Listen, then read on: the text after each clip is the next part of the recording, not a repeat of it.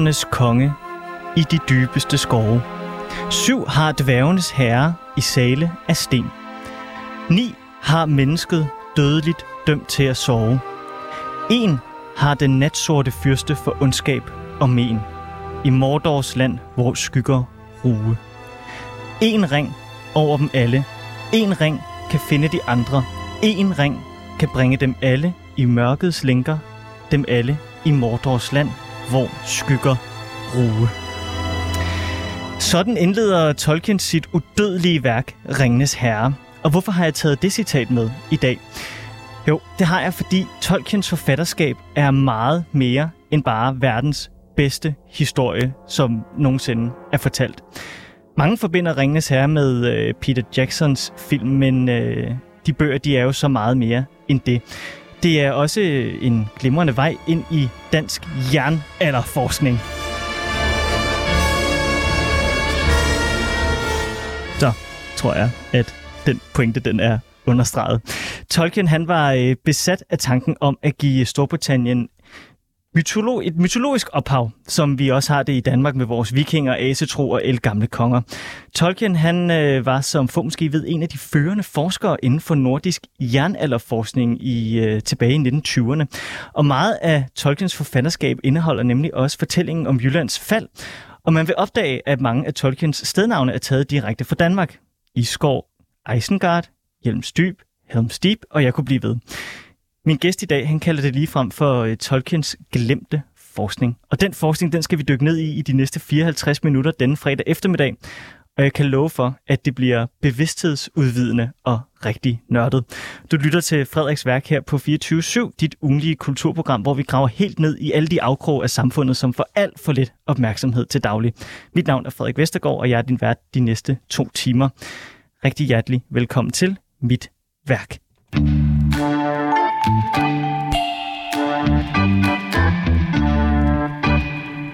Nu kan jeg så byde velkommen til dig, Kasper Klemmensen. Goddag, og tak.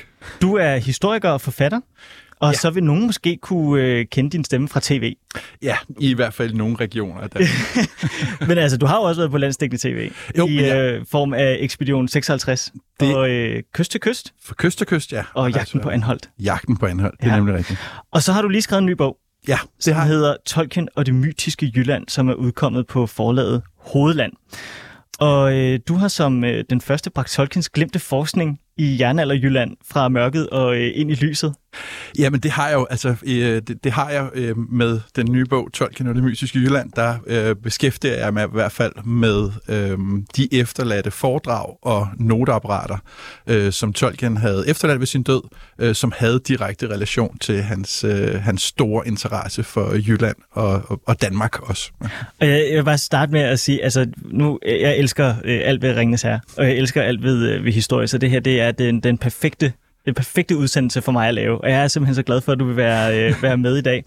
øhm, jeg har virkelig, virkelig glædet mig. Jeg har lige taget noget øh, musik med til dig her, som øh, jeg lige skal, skal finde frem. Og øh, det kommer øh, her. Når, øh, når du hører det her musik, ikke? Ja. Hvordan, hvordan har du det så inde i kroppen? Jamen altså, øh, jamen, så, så, så har jeg det jo godt. Ja. Det, det, det har jeg godt. Det er, det er jo The Shire. Altså. Ja. Jeg ved ikke, hvad der er. Jeg får simpelthen altså, gåsehud. Ja, men det gør jeg. det her. Det- Man ser det i filmen, ikke? Jo, Gandalf kommer kørende med sin lille karet op til The Shire. Og fuldstændig. sådan, det, Hobbiterne tager godt imod ham, og Ja. det er... Det er man Det får er- næsten tårer i øjnene, ikke? jo, men det gør man, og det er jo, og det er jo også det der... Det er, den melodi er blevet en association til hele den her begyndelse på den her fantastiske fortælling, som Ja. vi alle sammen kender i dag. Ja. Øhm, også takket være Peter Jackson-filmene. Ja, lige præcis. Altså, det er virkelig, virkelig øh, smuk musik. Men hvad har Tolkiens univers betydet for dig, Kasper? Jamen, så Tolkiens univers har, har formet rigtig meget øh, af mit liv. Øhm, jeg, har, jeg har ikke som udgangspunkt været sådan helt øh, besat øh, af Tolkien. Du Øhm, har ikke taget øh, en navneforandring til Kløvedal. Ej, ej, ej, så, så vidt gik det ikke. Altså, jeg, jeg læste, jeg læste øh, øh, bøgerne som ung teenager, men det var altså mest for at imponere en ung dame. Øhm, Nå, okay. så, men jeg, jeg fik dem læst, øhm, og, øhm, og så kan man sige, så efter filmen er kommet, øhm, har, har jeg jo fulgt meget med i det, ikke? Jo. Øhm, og så kan man så sige, at det, det der er min store passion og interesse, jamen, det har været, øhm, det har været overgang mellem jernalder og vikingetid i Danmark. Øhm, og her der begyndte det bare at undre mig, øh, fordi at når man øh, rodede rundt i det her forskningsmæssige materiale, så begyndte Tolkiens navn at dukke op. Øhm, ikke sådan centralt, men sådan i, i periferien. Han blev nævnt flere gange. Og Af det, hvem? Øh, jamen, han, han, blev, han blev nævnt af andre sprogforskere og andre øh, angelsaksiske forskere, ja. øhm, som sådan perifært nævnte, at, at der var også den her Tolkien-teori. Øhm, øhm, så det, det, det kan man sige, det var udgangspunktet. Ja. Og så, så, så skal der jo ikke mere til, ja, så har det jo ligesom dig, Frederik. Altså, Ja. øh, øh, hvis jeg først fornemmede en forbindelse mellem Tolkiens utrolige øh, univers, og så den virkelige jernalder og vikingetid, øh, så fangede det min interesse. Jeg fik dit hoved til at eksplodere. Det, det, var, det var tæt på at eksplodere, og jeg, jeg, jeg sad sådan nærmest på stikker, mens jeg ventede, ventede på at få det her kildemateriale øh, øh, leveret til mig. Hvor mange gange tror du, du har læst Ringenes Herre? Øh, bøgerne. Jamen, altså, altså, nu, nu har jeg læst dem altså, en gang som teenager, mest Ja. for at imponere damen, og, øh, og så, så har jeg læst dem nu her i forbindelse med bog, øh, øh, jeg skrev bogen, øh, har jeg selvfølgelig læst alle tre igen. Og Men det er ikke sådan, læst- man kan vække dig klokken 3 om natten og så sige, hvad står der på side 300 eller ned i, øh, i øh, Nej. Silmarillion? nej, nej, nej, altså tidligere påstand mod påstand spurgte mig, hvad, hvad, øh, hvad hedder Legolas' svær, og det sagde jeg, det ved jeg simpelthen Nej. ikke. Altså, det, Hvornår øh, kommer du sådan først i, i forhold til øh, sådan det forskningsmæssige? Du, du har allerede nævnt, at det, det, det sådan, Tolkiens navn, det, øh, det florerede sådan perifært, da du gik i gang med det her. Men sådan, hvornår øh, kommer du først i, i berøring med, øh, med, med Tolkien i henhold til sådan forskning i dansk jernalder? Jamen, øh, altså det gør jeg, det gør jeg i virkeligheden, øh, i og med, at jeg begynder at formidle om, om jydernes oprindelse. Ja. Øhm, og, øh, og man kan se, at arkeologisk og fra Moskov og videre, der, der er en centrering fra Østjylland, at det er stort set her, at den rige muldjord var, øh, og det er her, at man mener, at den her jyske jernalderstamme har haft sit centrum. Øhm, og det, det, det var sådan ligesom mit udgangspunkt, og det er så i den forbindelse, at, at uh, Tolkien lige pludselig begynder at blive nævnt.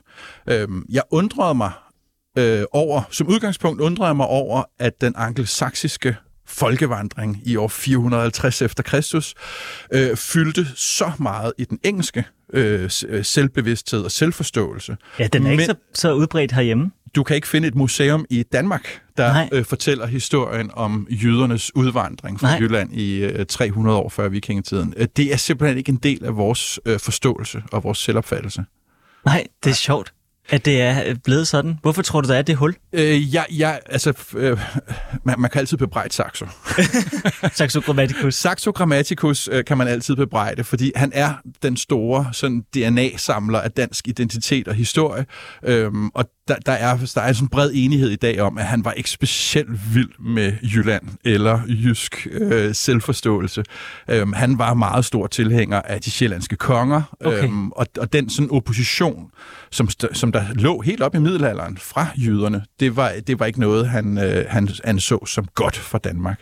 Nå, okay. Øh, og derfor så, så, så skal vi se Saxo Grammaticus i hvert fald sådan mange steder skrive jyderne helt ud af Danmarks historien, og andre steder...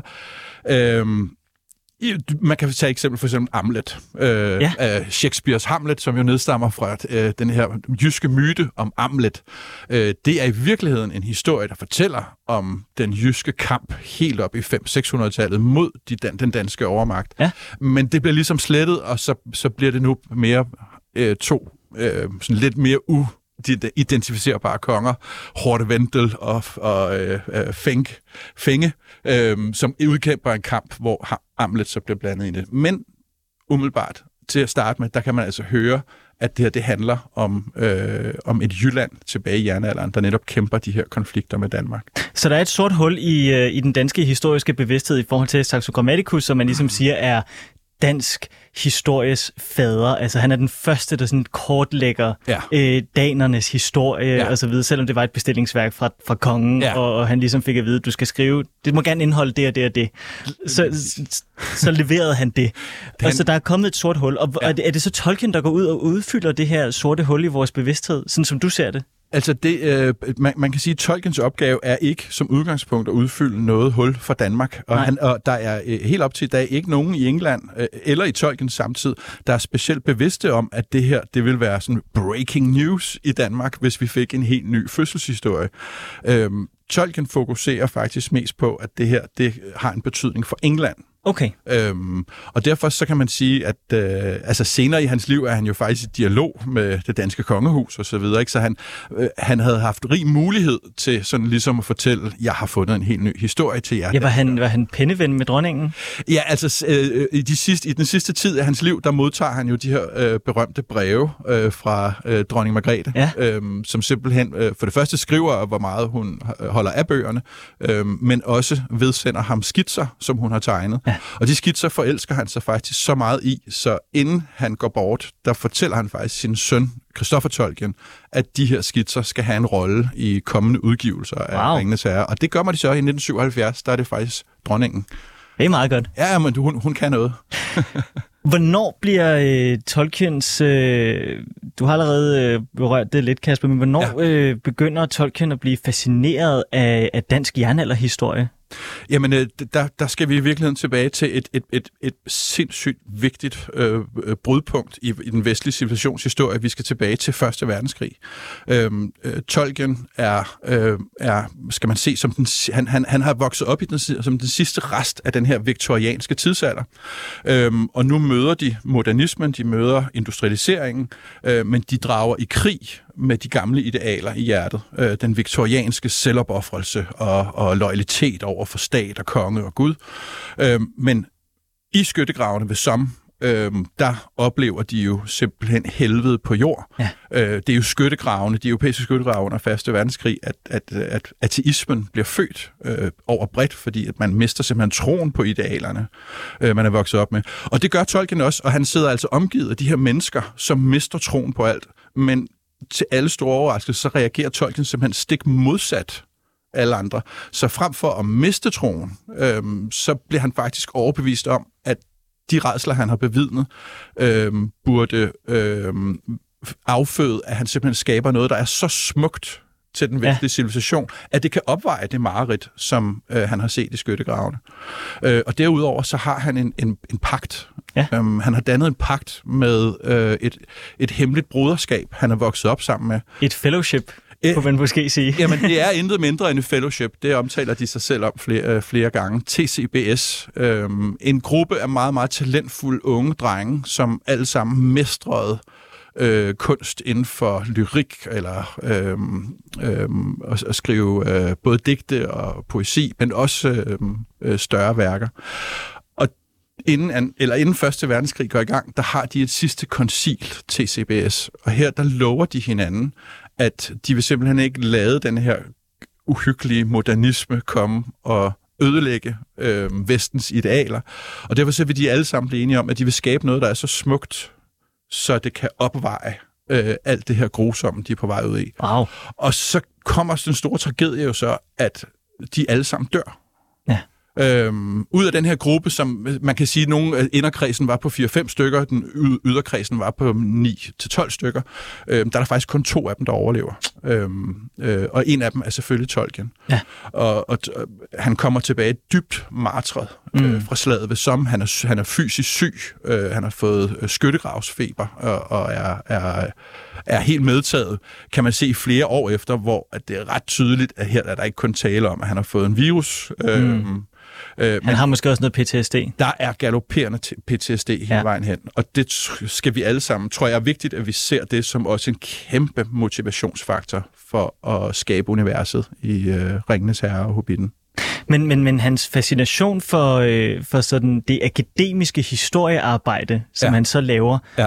omkring øh, øh, dansk og, øh, og, og engelsk øh, jernalder, øh, øh, historie, Ja. den forbindelse, der er mellem Danmark og England i den her periode, selvom at man ikke rigtig kan tale om Danmark og England, fordi de, de eksisterer jo ikke, sådan som vi kender det i dag, men Nej. geografisk eksisterer de jo. Geografisk er det. Øhm, hvornår begynder han at, at, at, at interessere sig for det og arbejde med det rent akademisk? Jamen altså det, som øh, den officielle historie øh, øh, fra for, den, den allerede etablerede Tolkien-forskning siger jo, at det gør han sådan i midten af hans liv. Men i min bog, Tolkien og Mysisk Jylland, der etablerer bevis for, at han starter på det i skyttegravene. Okay, hvad er det for et Øhm, bevis, du har fundet? Jamen det er simpelthen fordi, at, øh, at en af hans aller, aller tidligste historier, øh, der, der handler om Otto Werfer, Ja. øh, den hedder The Book of Lost Tales.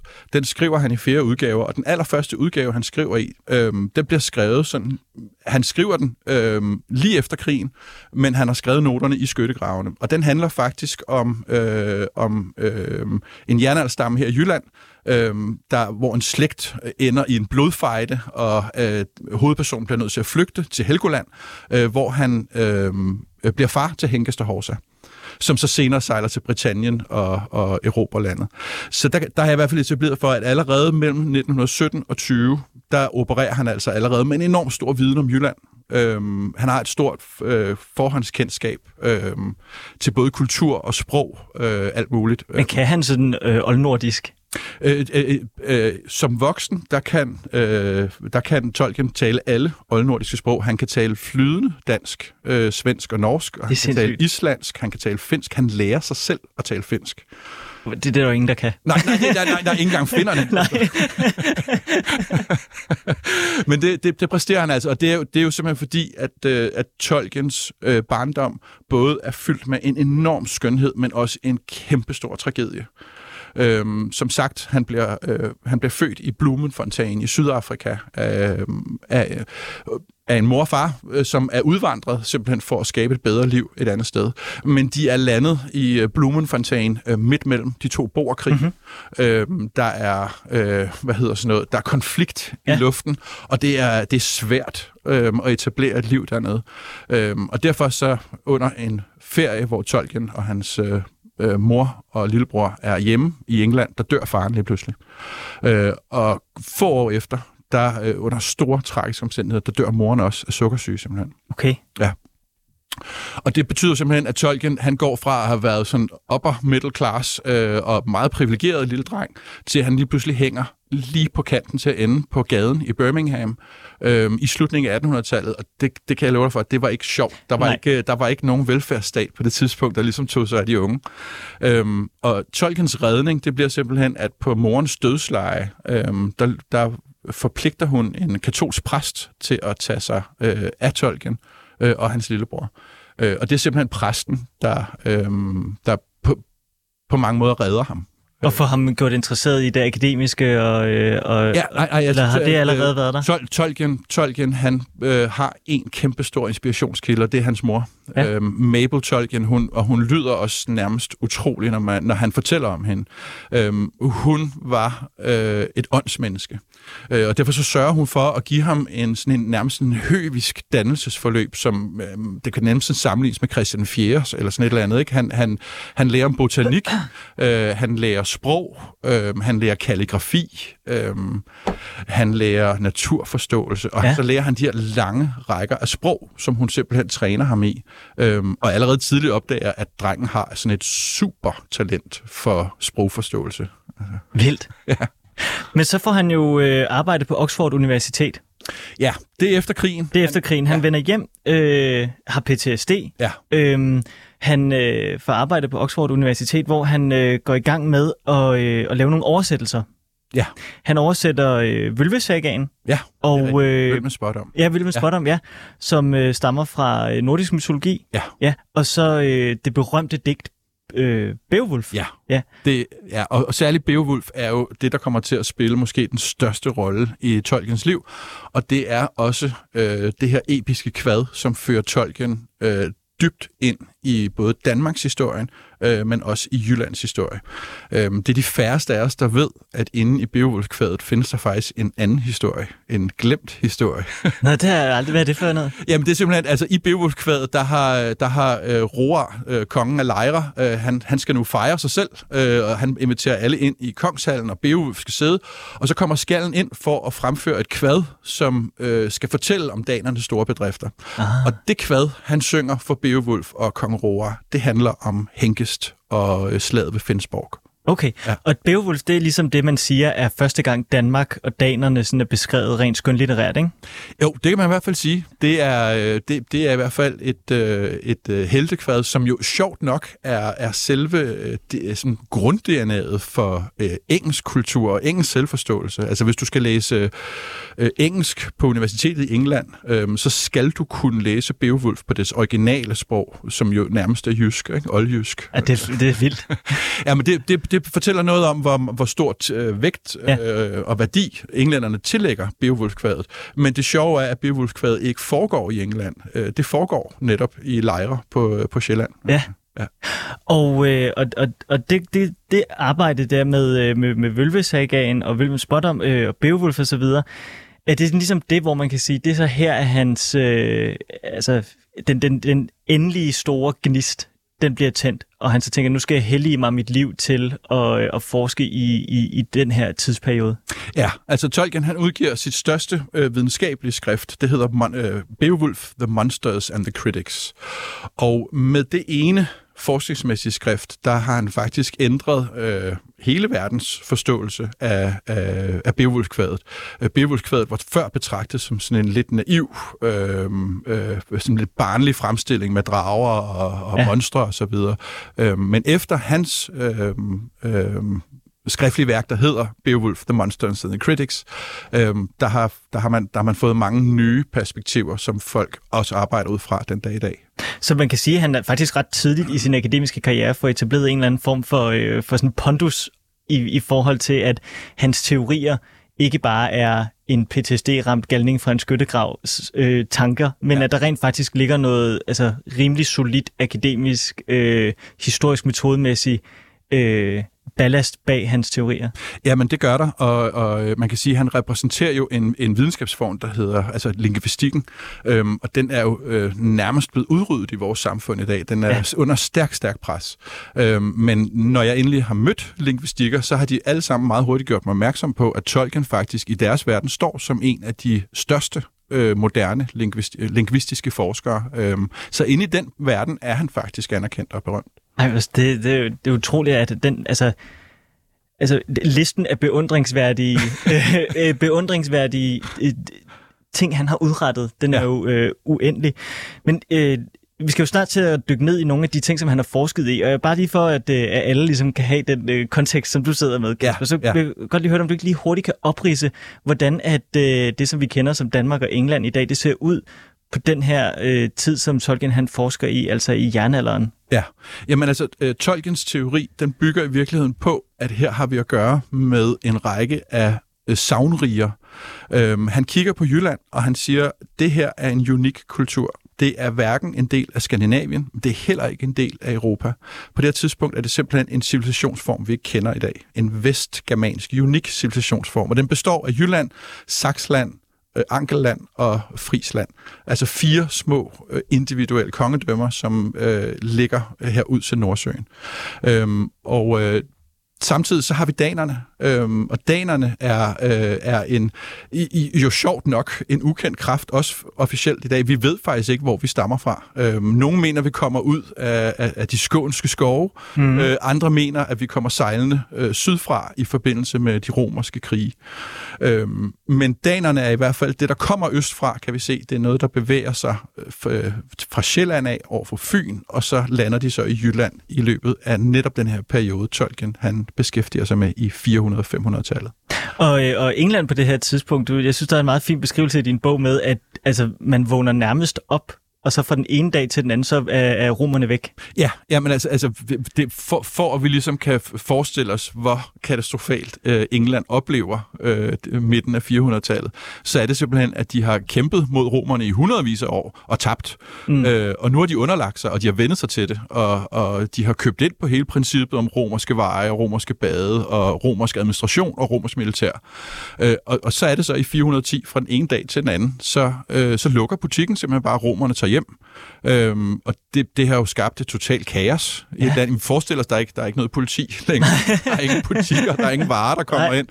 Øhm, det, det er som en slags apokalypse ja. øh, for englænderne. Og midt i det her øh, kaos, der bliver englænderne nødt til at række ud efter en ny militærstyrke, som kan komme og hjælpe med at sikre de nordlige grænser ved, ved Hadrians mur. Øhm, og der er det så, at fordi at jyderne og danerne har udkæmpet de her kampe, så har englænderne altså hørt om om jødernes utrolige kampiver øh, øh, på det her tidspunkt, og deres store bedrifter.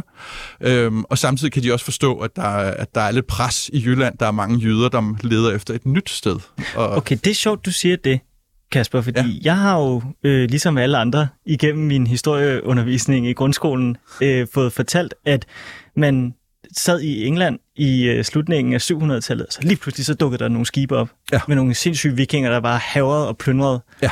Og, øh, ja. og så var man totalt overrasket over, at der overhovedet fandtes andre mennesker ja. på den her planet næsten ja. end andet end, end englænderne. Ja. Øh, gør han op med den myte så?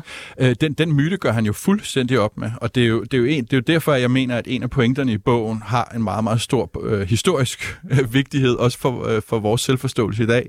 Øh, fordi at øh, øh, Tolkien øh, fører simpelthen bevis for, at her har vi en en væbnet øh, øh, en væbnet gruppe af nordboere, der er maritimt baseret, som sejler ud og erobrer nye lande i, i løbet af 400-tallet.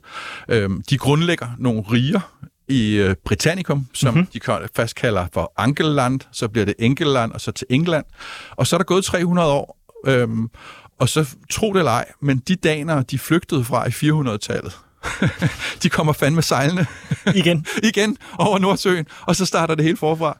Øhm, og det er en helt ny måde at se den danske vikingetid på. For ja. det viser sig jo faktisk, at de danske vikingers angreb på England ikke var øh, et, øh, danskernes angreb på en fremmed kultur, Nej. men det er jo nærmest et internt fætter- kusineopgør, ja. øhm, der har været tale om her. Øhm, og der kan man så spørge sig selv om, hvad er det, der har, hvad, hvad har affødt den det brud mellem de to kulturer. Ja. Øhm, og der er jeg, altså det har jeg ikke taget med i bogen, Nej. men, men det, det, det er jeg i gang med at skrive om nu. Uh. Øhm, fordi det er helt tydeligt, at øhm, den gamle myte om, øhm, om Fimbulvinteren, ja. øhm, den har forskerne over hele verden jo nu bekræftet, at den faktisk fandt sted i det herrens år 536. Det værste år nogensinde. Det værste år at være i live i menneskeheden. Ja. Øhm, og der er det jo, et nordisk mytologi fortæller om tre års mørke, og, og solen bliver et af ulve, og menneskeheden dør, og, og så videre. Øhm, og øh, hvis man skal forestille sig, at øh, udvandringen er foregået i 450 efter Kristus, øhm, så kan vi faktisk se, at der arkeologisk har været lidt konflikt tilbage i Jylland. Så bliver der ro omkring 500-tallet, og så skal vi forestille os, at bare 30-36 år efter, ja. at danerne har taget Europa, så kommer Fimbulvinteren. Og Fimbulvinteren afbryder, tror jeg, al kontakt, der var mellem øh, Angelland og det gamle Jylland.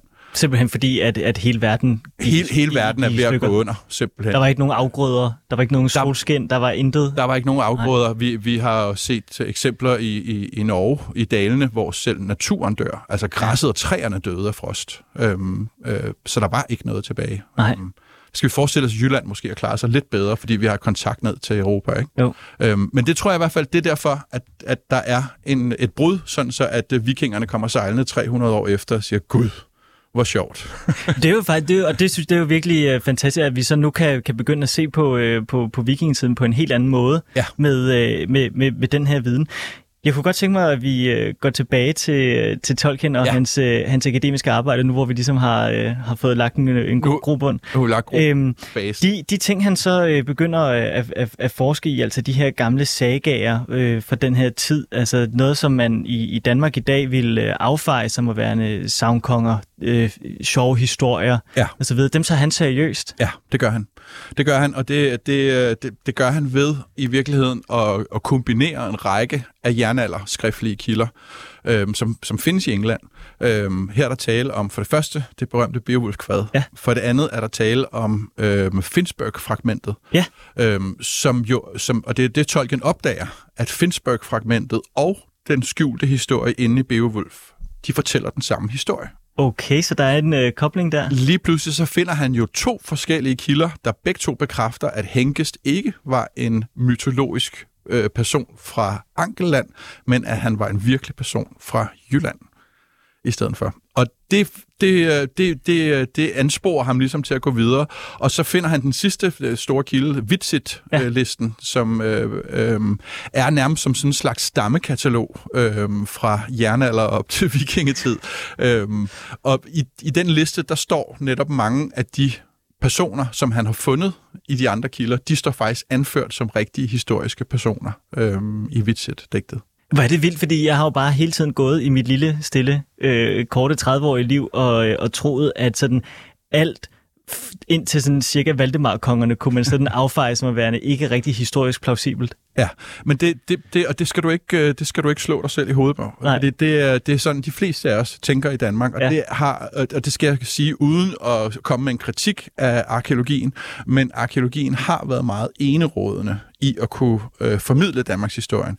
Og kigger man på øh, sådan noget som Tolkiens arbejde ud fra et arkeologisk perspektiv, mm. øh, så kan man næsten få sådan helt feberagtige øh, øh, krampetrækninger, fordi at det bevæger sig uden for det her øh, empiriske øh, øh, videnskab, som arkeologien er baseret på. Men det, som jeg bekræfter i bogen, det er i hvert fald, at Tolkien som sprogforsker, han kan i 30'erne og 40'erne sidde og resonere sig frem til, via stednavne og personnavne, kan han resonere sig frem til ting, som danske arkeologer først har bekræftet nu her inden for de sidste 10 år. Ja, og det synes jeg, det, jeg får næsten helt gåsehud ved tanken om, at, man, altså, at han har været så dygtig ja. en, en hjerne, at han ja. har kunne gøre det udelukkende ved brug af, af historisk metode og, og lingvistiske teorier. Altså det, det synes Simpelthen. jeg, det er så vildt. Simpelthen. Han, øh, han, øh, et, et, et godt eksempel, det er jo øh, den danske kriger øh, Hund Larfing, som øh, bliver nævnt i, i Finnsburg-fragmentet. Øhm, og, og Tolkien vil gerne, at han opretter et persongalleri, hvor han simpelthen øh, tracker hver enkelt af de her personer. Og der opdager han for eksempel, fordi han netop kan tale, eller læse og tale flydende dansk, der opdager han i Saxo Grammaticus, at her der er der tale om en urgammel dansk øh, savnkong, der hedder Herleif.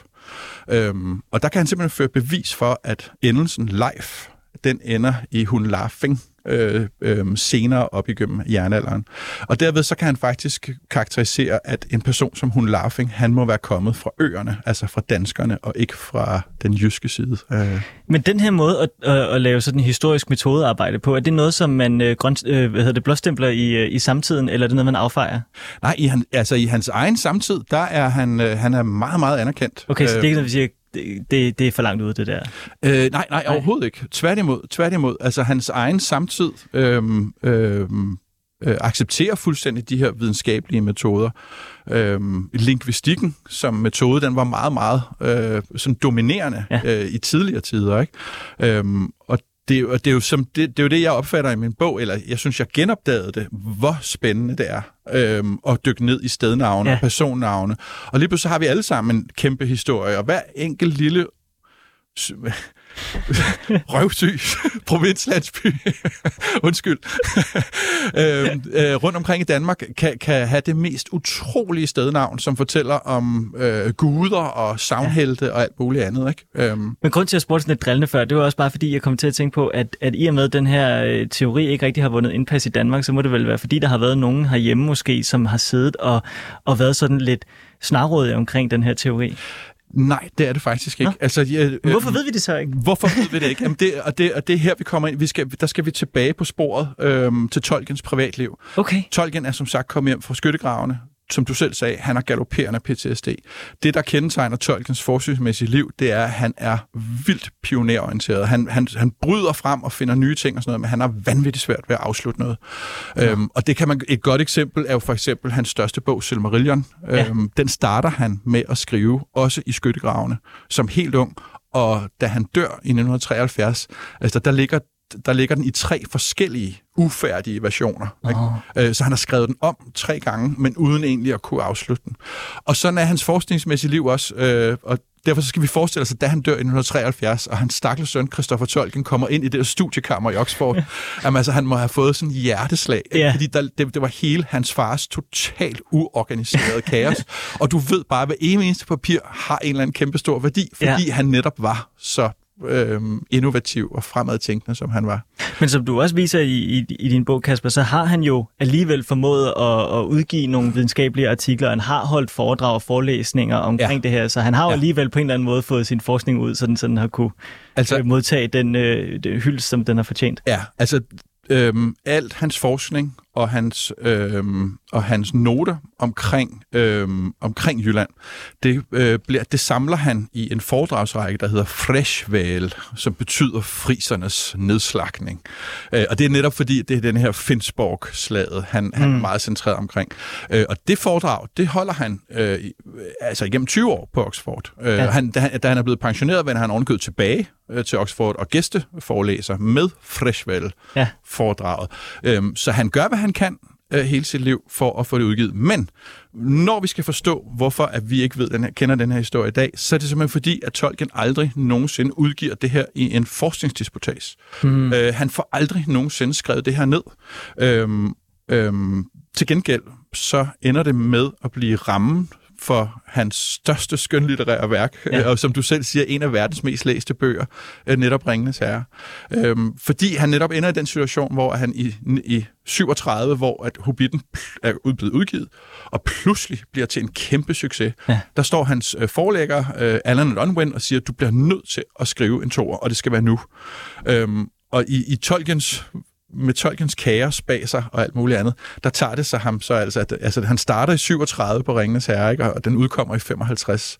Øhm, så det, det tager altså også lige et stykke tid at få lavet en toer. Men det er jo klart, at han skal jo opfinde et sprog og øh, litografi. Og... Han, han skal samle det hele, men, men da han står og skal lave den toer, der står han øhm, øh, uden at have materiale til at kunne fortsætte Hobbiten, men til gengæld så står han med det her kæmpe store ja. forskningsmateriale omkring Danmarks konger og omkring Jyllands fald og Englands fødsel. Og det er lige præcis, øh, og der har du så gjort noget uden at vide det, men du har simpelthen lidt mig over i, øh, i, i, i noget, øh, et, helt, øh, et meget langt øh, afsnit, jeg øh, gerne vil ind på, som, ja. øh, som du også har skrevet i din bog, Ringnes Herre og Aarhus Bugten. Ja. Inden vi lige hurtigt når til det, så i øh, Finsburg-fragmentet, der er der en karakter, der hedder Garulf. Ja. Er det Gandalf? Ej, altså det kunne godt, det kunne, det kunne godt være Gandalf, øh, men, men det er det ikke. Øh, Gar, Garulf øh, er simpelthen øh, Jyllands sidste konge, som, Nå, okay. øh, som Tolkien han, øh, han, han finder øh, og, øh, og, og karakteriserer ham og, og, og laver en analyse af hans navn og, og, og konkluderer, at han må have været den sidste jyske tronarving, som dør i eksil i, øh, i Frisland. Okay. Ja. Men, men uh, Gandalf, uh, Gandalf behøver han ikke at, at finde andre steder, fordi Gandalf han står direkte i, uh, i den nordiske mytologi. Uh, der er Gandalf nemlig nævnt i listen over dværge, som tager ud på en lang rejse. Uh, og der hmm. er mange flere, hvad hedder det, uh, hvad hedder han, Thorin Oakenshield, ja, ja, også ja. med i den her gruppering og sådan noget. Uh, og der er det faktisk, at Gandalf han finder den der dværgeliste over de her rejsekammerater, og undrer sig over, at der er en af dem, der hedder Gandalf altså et en alf, en elver. Mm. Øhm, og derved så, så, så konkluderer han selv, at det her, må, der må være tale om en elver, øh, måske en troldmand, der har simpelthen bare øh, øh, joinet det her fellowship, øh, for nu at blive terminologien, ja, ja. Øh, øh, for at drage ud på rejsen. Og der, der finder vi i virkeligheden fødslen på, øh, på, på Gandalf og dværgene og, Ja. Og den tanke der, den er jo faktisk ikke helt fremmed alligevel, fordi det kan godt være, at man så kan i dag sidde og tænke, ah, okay, en, en, en, en, en troldmand nærmest, som går rundt med, med elver og så videre, men den tanke er jo også blevet øh, understøttet af mange moderne arkeologer, også i forhold til, at Odin måske i virkeligheden er baseret på en, en rigtig levende person, som skulle være kommet under den store folkevandring i 500-tallet, Ja. øh, med, Ja. med, med stav og, Ja. ja. og, og ravne nærmest i, ja. i, i, i ryggen, så det er jo ikke helt farfetched.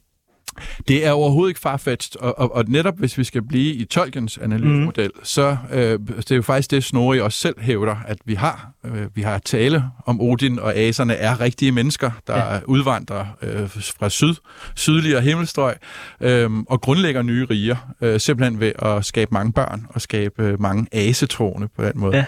Ja. Øhm, så det, det er jo det kan man i hvert fald sige, at, øh, at både øh, Gandalf i, i, øh, i, i dværgelisten, men, men lige så meget Odin kommer til at, at være kæmpe store inspirationskilder for, for Tolkien. Og Kasper, tiden den, øh, den løber Ej, jeg ved det. Jeg ved afsted. Det er ved forfærdeligt, jeg, det her. Jeg, jeg kunne godt... Øh, øh, vi skal tilbage til Ringes Herre og Ja. Aarhusbugten. Ja.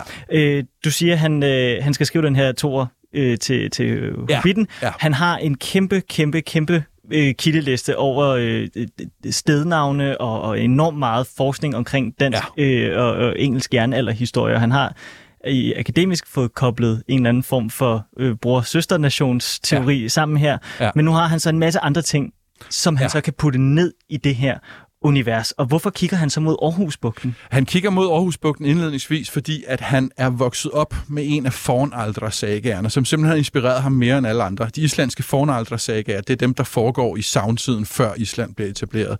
Og her den vigtigste af dem hedder Hervarder-sagaen, eller en af de vigtigste.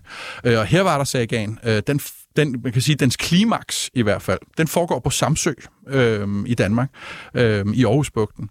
Øhm, og det, der sker på Samsø, det har at gøre både med døde spøgelseskonger i store Jamen. høje, det har noget at gøre med forhekset svær, øh, og det har noget at gøre med skjoldmøer, der gør, hvad ingen mænd kan gøre. Øhm, og det er ikke noget, der er ikke nogen tvivl om, at, at Hervarer-sagaen kommer til at danne øhm, en af de store rammer i Ringenes Herre i hvert fald. Øhm, og det er alt lige fra spøgelseskongen i bjerget og til magiske rustninger osv. Ja, man kan jo selv nærmest øh, lave koblingen til, til Ringnes Herre, ikke? Jo, men det er lige præcis. Det er lige præcis. Det, øh, Og det gør du også i bogen, i, øh, i det kapitel der. Jeg har noteret rigtig mange ting. Øh, jeg, øh, for eksempel så øh, Hjelm Dyb, Helm's Ja. Deep. Helm's Deep. Det er det, det, som, det, som, øh, det, som jeg resonerer mig frem til. Og Ja. jeg skriver også i bogen, at det her det kan aldrig blive med andet end påstand, fordi der er jo ikke nogen fantasyforfatter, der efterlader et skattekort om, hvordan de konstruerer deres universer. Men det, der er tydeligt, det er, at Tolkien, han opererede kun ud fra kartografi. Tolkien rejste ikke særlig meget, han brød sig ikke særlig meget om at rejse, men han elskede at rejse i, sin, sin, i sine tanker. Og siden skyttegravene havde han, var han blevet ekspert i at forstå og læse kort. Øhm, og kartografien, det er stort set det, der starter hans bøger, og det er det, der starter hans forskning. Han siger det selv, at han skrev aldrig nogensinde så meget som en linje af en ny fortælling, før han havde lavet et landkort, der kunne passe, hvor f- fortællingen skulle foregå indeni. Øhm, og derfor så ved, ved vi også, at, at han uden tvivl har studeret Jyllands landkort meget, meget indgående. Og når vi nu ved, at øh, den her hervarer-saga øh, allerede har sejlet ham med dragskib øh, ind til Samsøs kyster, øh, og han beskæftiger sig meget med det, stort set fra sin ungdom til sin alderdom, så er det ret tydeligt og sikkert, at han nok også har øh, fundet andre steder i området via landkort. Og man kan man sige, at det mest tydelige eksempel, det som ikke rigtig kassen omtvistes, i mine øjne i hvert fald. Er det Isgård? Nej, nej, Nej, nej, okay. nej, ikke engang. Det er jo, det er jo faktisk Aarhus. Øhm, fordi Aarhus... hed- Aros? øh, lige præcis. Aarhus hed i vikingetiden Aros, der betyder byen ved flodens munding. Øhm, og der er det som lingvist, at, at Tolkien bliver så forelsket i det navn, fordi den har den der be- dobbelt betydning, så han gør faktisk Aros til en øh, berømt grænseflod i Silmarillion, der adskiller elvernes rige fra øh, æderkoppen Ungoliaths rige. Øhm, og der har vi Aros i sådan en helt uændret rå form. Øhm, så hvis man kigger på det som udgangspunkt, Ja. ja. så kan man i hvert fald sige, Aros er så specielt et navn. øhm, du kan godt finde nogle grammatiske afretter på spansk og så videre, som, hvor at det kan figurere i.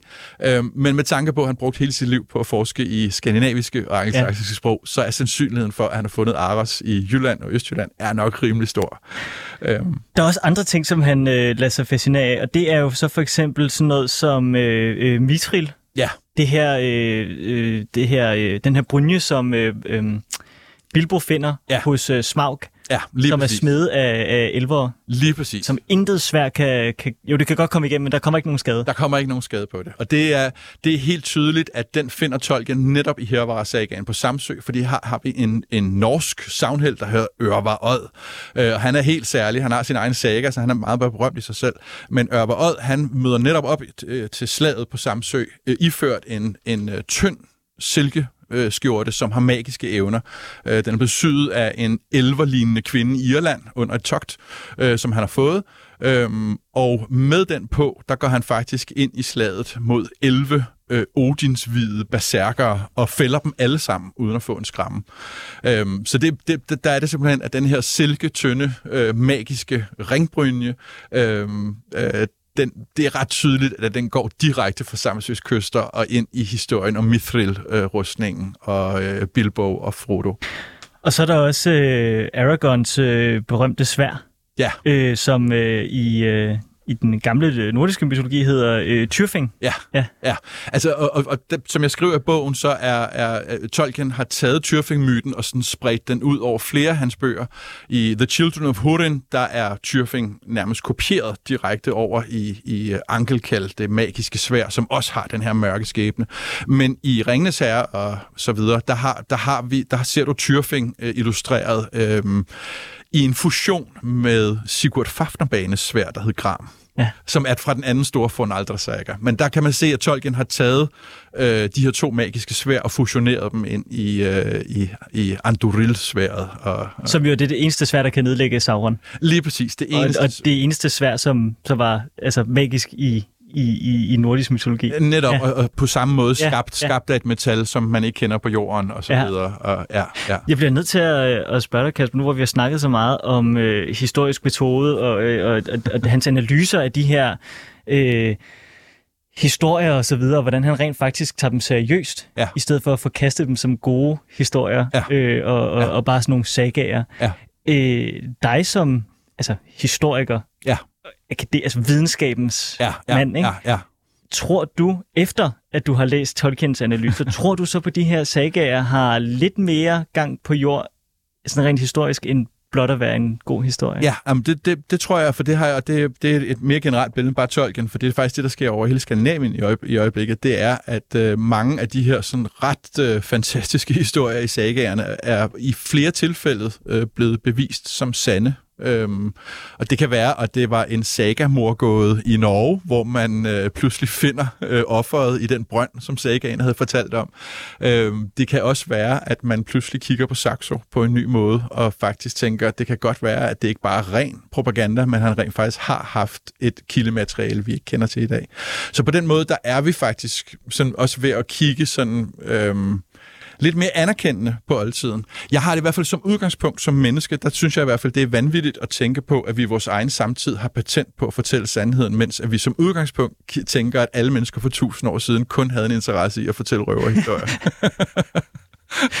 Ja, for det er jo den tanke, man op til får. Altså, ja, ja, men også på universitetet og så videre, når man men- studerer men- historie, så får man jo sådan slået hovedet, at du kan ikke Ja. rigtig stole på noget sådan ind til omkring, ja, ja, slutningen af 1800-tallet. Ja, men der vil jeg sige, som forsker, der vil jeg sige, at der tager man fejl, fordi den orale tradition, Ja. og det, jeg fortæller det netop i, i bogen, hvor vi netop beskriver det her, at når barden og skjallen går frem i danernes haller, eller jydernes haller, øhm, så begynder han at synge en sang, som ofte er ret indforstået, fordi at publikum har en forudindfattet viden om den begivenhed, han synger om. Øh, og det er irriterende for os andre, for vi vil gerne have alle detaljerne, men det, der er tydeligt, det er, at når han synger den sang, så kan han ikke bare lige stå og, øh, og, og, og, putte lidt ekstra på. Han Nej. kan ikke lige pludselig dreje til højre, fordi hele, hele salen vil reagere på det. Øh, øh, skjalleopvisning er, er, er, er et symbol på, at du skal fortælle noget i en tradition. Du skal blive inden for en ramme, sådan så at tilhørende kan genkende den historie, som de har hørt og hørt og hørt igennem mange generationer. Og derfor så mener jeg faktisk, at den orale tradition har en, en, øh, øh, en en sådan en ret øh, stor sandhedsværdi, øh, fordi de, du, har ikke, du har ikke haft en, et, øh, som skal har du ikke haft det råderum til at stå og finde på ting, eller pludselig ændre en historisk begivenhed. Men jeg tænker, det må også have været et mareridt i forhold til den orale tradition. Det må have været et mareridt for Tolkien, og så skulle forholde sig til det, når han udelukkende er skriftbaseret i sin forskning, og at skriftkilder fra Danmark på det her tidspunkt jo er ekstremt sparsomt.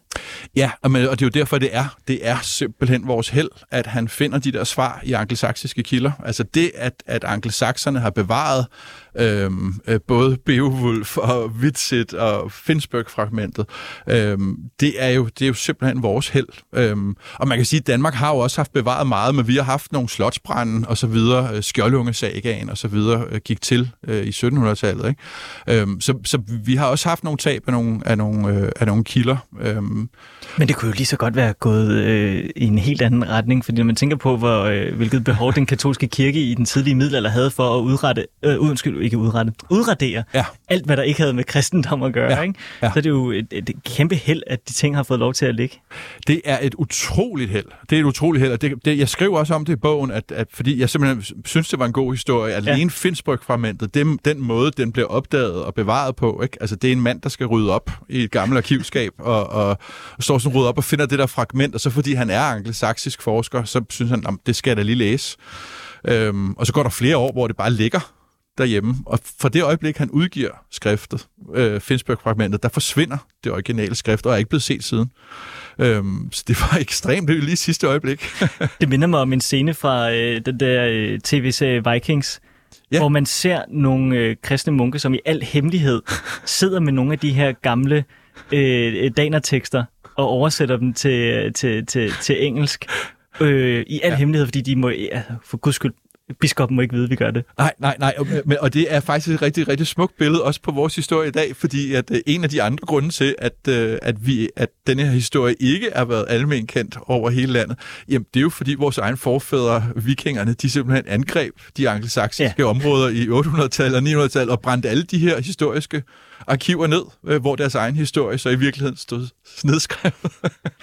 Kasper, øh, vi har fire minutter tilbage. Ja. Øh, jeg bliver også lige nødt til at, at, at høre dig om, hvorvidt at Tolkien han fik sit ønske opfyldt om at, at, at få, få, få skabt en eller anden form for sådan identitetsberetning omkring det, det, det engelske folk igennem sit arbejde. Ja, men det gjorde han. Det gjorde han. Tolkien, han, han stod i en brydningstid, hvor at hans personlige verden var tættere på middelalderen og Shakespeares værdisæt, end de var på øh, tiden efter 1. verdenskrig. Øh, og det han gør, det er, at han vandrer faktisk i kølvandet på den her nye modernisme, den her stålcivilisation, som jeg skriver på. Mm. Øhm, og alle de ting, alle de her håbløse, romantiske og høviske idealer, som modernismen smider ud, dem går Tolkien faktisk i kølvandet og samler op igen, og så rekonstruerer han den til en helt ny mytologi. Så man kan godt sige, at uden at måske... Ah, det er måske meget lidt tyk på, men nu gør jeg det alligevel. Men man ja. kan måske godt sige, at, at Tolkien, han er også på en eller anden måde det, som...